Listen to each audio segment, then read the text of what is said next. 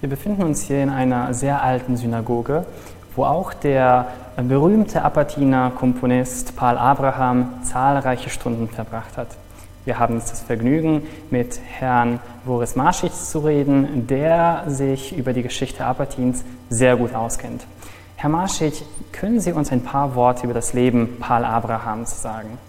Ähm, Abraham war ein äh, Jude hier aus Apatin, aus der jüdischen Gemeinde und wir sind jetzt genau, genau in das, äh, in, äh, im Zentrum des Lebens dieser jüdischen Gemeinde hier in Apatin, in der alten jüdischen Synagoge. Hier in der Synagoge war äh, auch die jüdische Schule. Und äh, Paul Abraham äh, ist hier auch äh, zur Schule gegangen und hier auch äh, zur, äh, zur äh, Liturgie hier in der jüdischen Synagoge.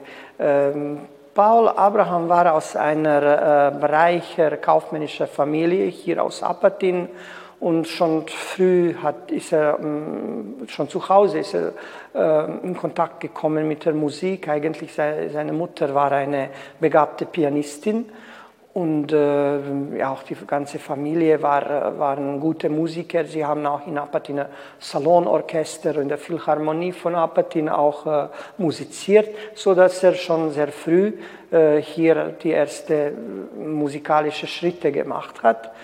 Er ist weiter an, an, ans äh, Musikhochschule äh, nach Budapest gegangen und dann fand auch seine, seine Karriere an. Äh, er hat, ähm, er hat sich auch als Dirigent ähm, geschult und auch als Komponist und hat ähm, in dieser Zeit 20 und Anfang 30er Jahren Operetten komponiert, äh, wie auch äh, Lehar hat er dann die berühmten Operetten komponiert, nicht nur hier im ungarischen Bereich äh, sehr populär waren, sondern auch in Deutschland, Frankreich und in ganz Europa. Ähm, Paul Abraham hat einen, eine wahnsinnige Popularität in der ganzen Europa äh, geschafft.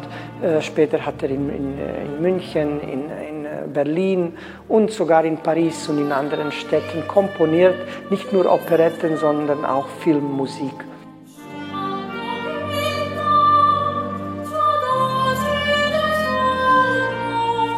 als Jude natürlich in der Zeit des Nationalsozialismus konnte er nicht mehr weiter in Berlin bleiben, ist dann äh, spät, in den späten 30er Jahren nach Amerika ausgewandert und äh, hat aber leider in Amerika nicht mehr ähm, so ein, ist er nicht mehr so berühmt geworden, geworden, wie er hier in Europa war.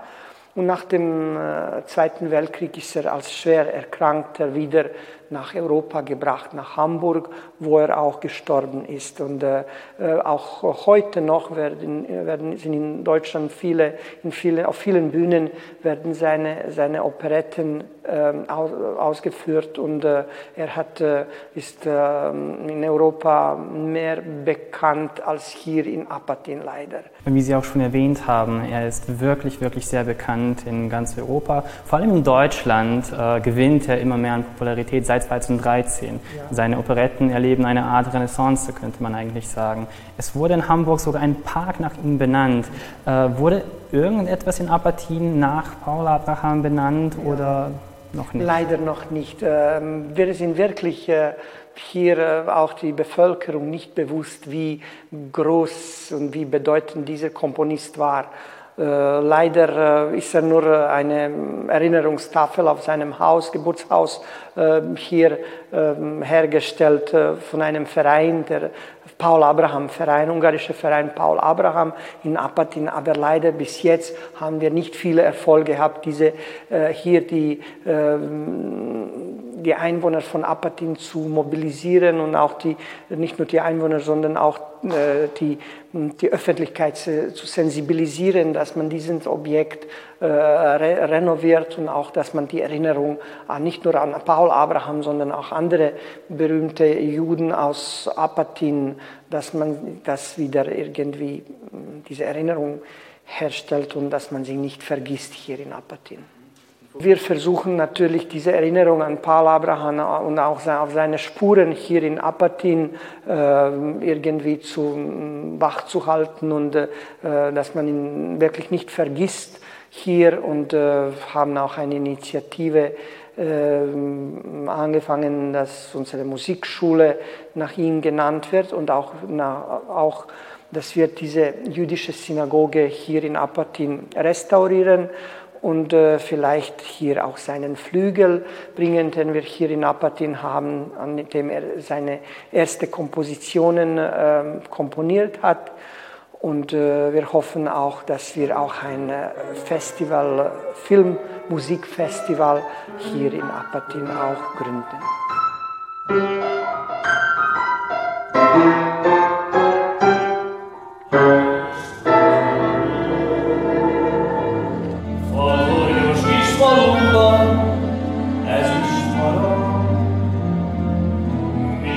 lieblichen Töne seiner Kompositionen erklingen aber noch von Zeit zu Zeit auch in seiner alten Heimat.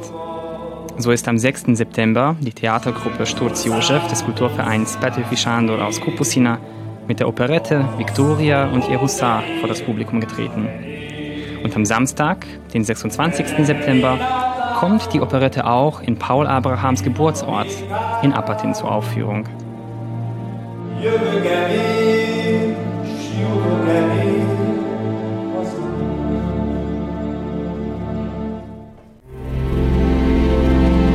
Gledate paletu. Izbor iz emisija na jezicima nacionalnih zajednica.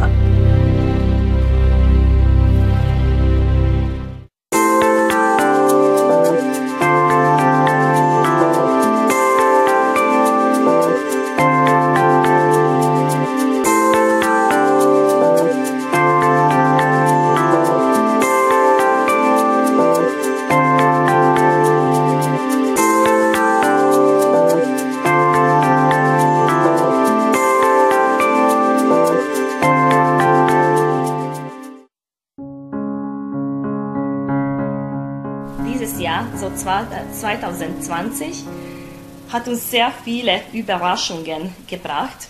Und äh, wir sollten fast alle unsere Aktivitäten wechseln, wieder neue Projekte schreiben, wegen die Chorproben, wegen die Deutschstunden. Und äh, es war für uns eine sehr, sehr große, riesengroße Arbeit für alle unsere Mitglieder. Die Damen arbeiten jetzt weiter, so die zwei Chöre arbeiten jetzt weiter Natürlich, sie benutzen Maske und alle, die sie sollen, jetzt wegen Covid-19 und äh, sie arbeiten und sie äh, werden wahrscheinlich für Herbst äh, Beethoven-Jahr feiern und natürlich unser, äh, unser Adventskonzert äh, ist auch unter Vorbereitung.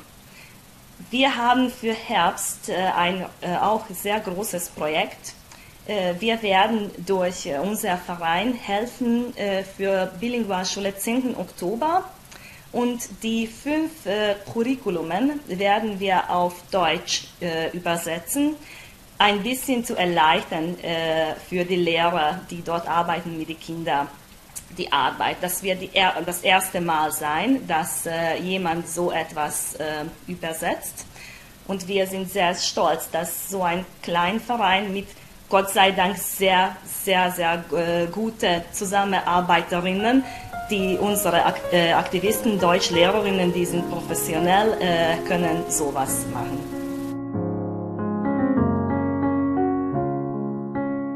Dieses Jahr äh, organisiert äh, der Verein Maria Theresiopolis äh, mit der Unterstützung von äh, BMI, Goethe-Institut äh, und äh, Autonomen Provinz Vojvodina zum vierten Mal den Aufsatzwettbewerb. Voriges Jahr und auch drei Jahre haben wir viele, viel gearbeitet und, und jedes Jahr hatten wir mehr Teilnehmer und Teilnehmerinnen und wir sind sehr stolz darauf, dass äh, aus äh, ganzem Serbien äh, Schüler aus der Grund- und Mittelschule an unserem Wettbewerb teilnehmen. Dieses Jahr haben wir äh, den 250. Äh, Geburtsjahr von äh, Beethoven und in diesem Sinne haben wir Themen Themen ausgewählt. Es gibt drei verschiedene Kategorien, äh, nämlich die fünfte und die sechste Klasse, die siebte und die achte Klasse äh, und äh, die Mittelschule bzw. Gymnasium. Diese Schüler können PowerPoint-Präsentationen machen, Aufsätze schreiben, Comics malen und, und schreiben auch. Und was ihnen noch auffällt, die Kreativität steht an erster Stelle. Der, äh, in der Grundschule 10. Oktober äh, wird seit zehn Jahren äh, der bilinguale Unterricht von Seiten des BMI gefördert und finanziert und ab der ersten Klasse können die Schüler spielerisch Deutsch lernen. Das haben wir ab der sechsten Klasse ein bisschen weitergeführt. Die Kinder können aus den Fächern wie Geografie, Biologie, Sport, Kunst und Musik auch mehr Deutsch lernen und somit äh, wird, ihr, wird ihr Grund, ihre, werden ihre Grundkenntnisse ähm, weitergebildet. Ich bin auch tätig im Nationalrat. Ich bin dort die Vizepräsidentin und auch verantwortlich für Bildung. Und äh, für uns, für Nationalrat und für die deutsche Minderheit ist auch sehr wichtig, dass wir können sowas machen und hoffentlich werden wir auch äh, Förderung bekommen für Weiterarbeiten und danach können wir auch im nächsten Jahr oder 2000 weiß ich nicht, 22 wahrscheinlich, so in ein, zwei Jahren, die ganze Curriculumen für 6., 7. und 8. Klassen äh, übersetzen äh, für die Bilingualunterrichten.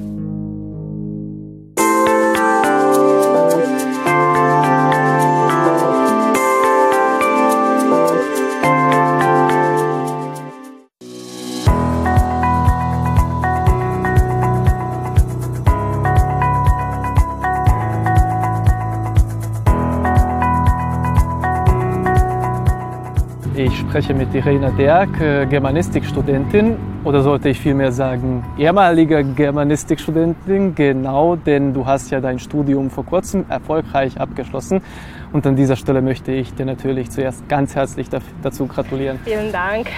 Äh, Irena, also im Juli hast du deine letzte Prüfung des Germanistikstudiums bestanden und damit äh, geht nun ein wichtiges und ich glaube auch ziemlich langes Kapitel deines Lebens zu, zu Ende. Wie würdest du die vier Jahre des Germanistikstudiums zusammenfassen und einschätzen? Ja, also diese vier Jahre waren ähm, auf jeden Fall sehr lehrreich für mich. Also ähm, ich könnte sagen, dass äh, ich sehr viel, also nicht nur über die deutsche Sprache und die Kultur gelernt habe, aber generell darüber, wie man lernt, eigentlich wie man sich ausdrückt. Also so Sachen, die generell im Leben sehr wichtig sind.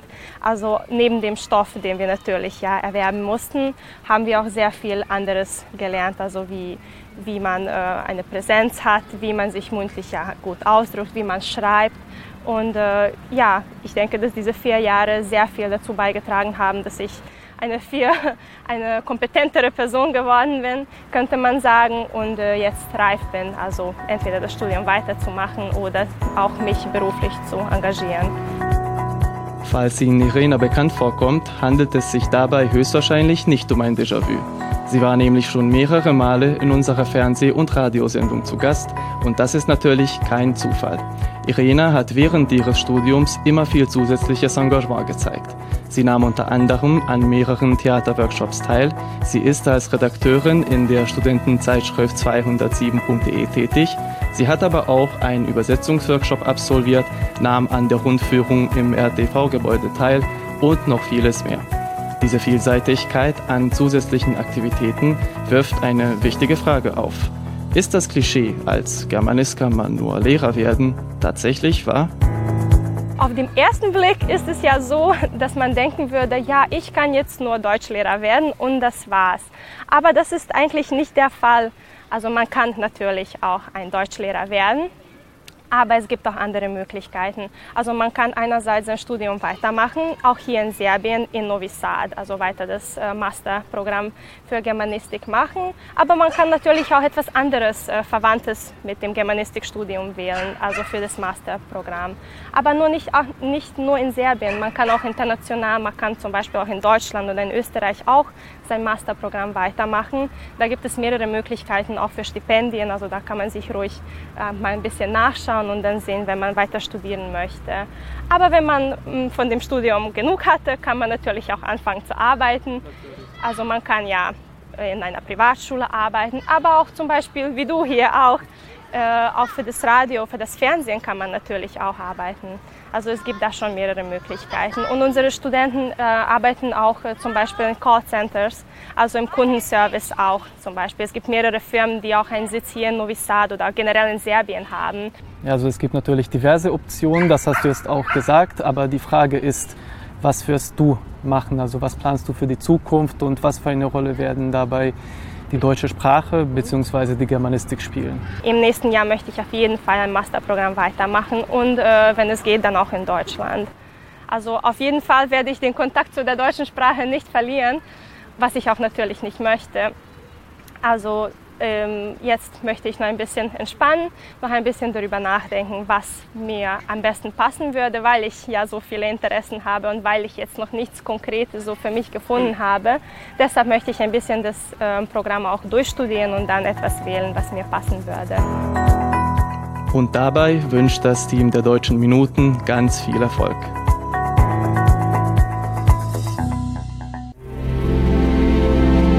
Gledate paletu Izbor iz emisija na jezicima nacionalnih zajednica.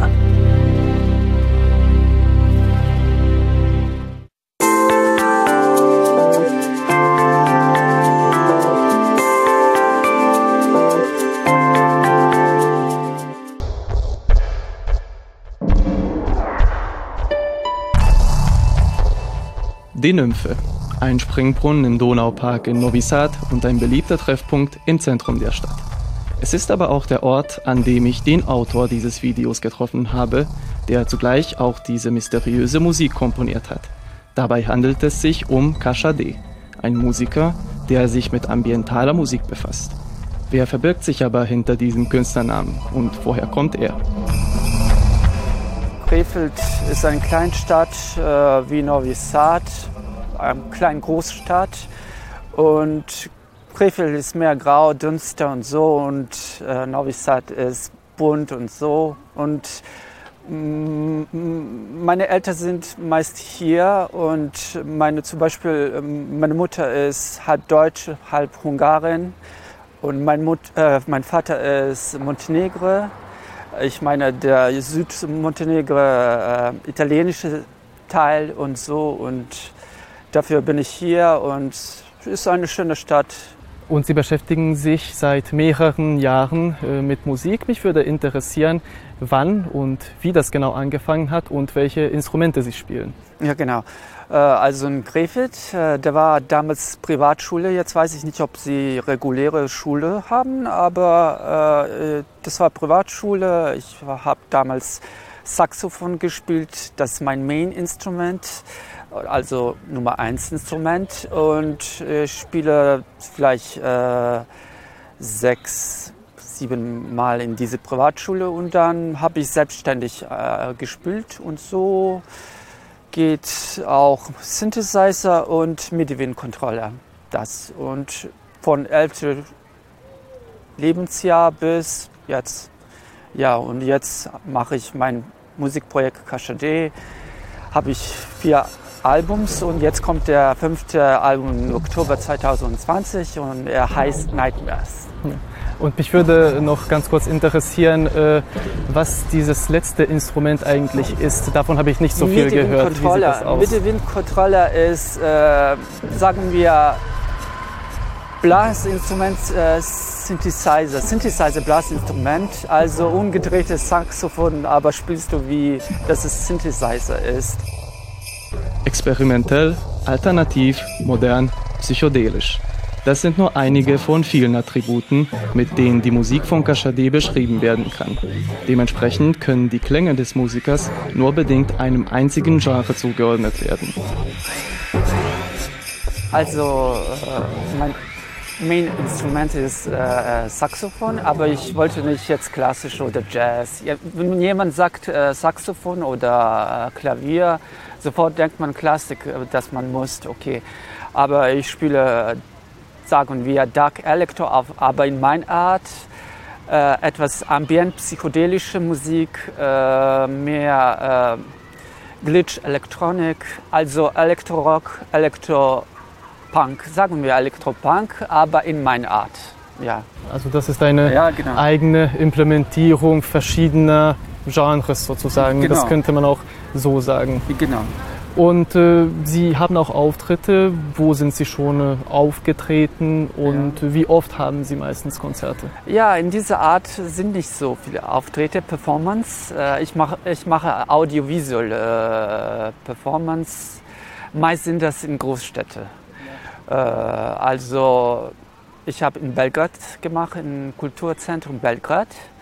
Äh, ich habe äh, hier in Novi Sad im Kulturzentrum Lab. Und ich hatte jetzt in 2020 in Zagreb SES, so experimental Festival. Das ist sehr interessant und in äh, Ljubljana, äh, nicht äh, Maribor, äh, Slowenien, aber ich würde das dieses Jahr absagen wegen dieser Epidemie. Und will ich mich mehr beschäftigen über, äh, über jetzt dieses neues Videoalbum, Promo Promotion. Und äh, zwei Musik-Filmdokumentationen, das, das kommt raus in 2020, dass, dass ich ein bisschen mehr über Produktion mache. Und was planen Sie für die Zukunft und was für eine Rolle spielt dabei Ihre Musik? Also Musik, Musik, Musik äh, komponieren und äh, natürlich mit, äh, ich beschäftige mich mit Musik, äh, Film, Filme, also Musikdokumentation und so. Und ich möchte auch sagen, immer in meinen Interviews zum Beispiel, äh, äh, wenn ich sage, ich komme aus Deutschland, äh, Deutschland ist für mich fantastisches Land, fantastisch. Und vielleicht ist mein Wunsch eines Tages, dass ich Schlösser dort äh, filme und so mit Gespenster, mit Vampiren und mit, mit goldenen Augen, mit Zähnen, goldenen Zähnen. Etwas anderes, cartoonisch, ein, ein bisschen an so etwas, ein bisschen Zeichentricksfilm, ja so etwas. Ja. Alexander oder Kashade, ich bedanke mich bei Ihnen herzlich für das Gespräch und ich wünsche Ihnen für Ihre zukünftigen Pläne und Projekte viel Erfolg. Vielen Dank.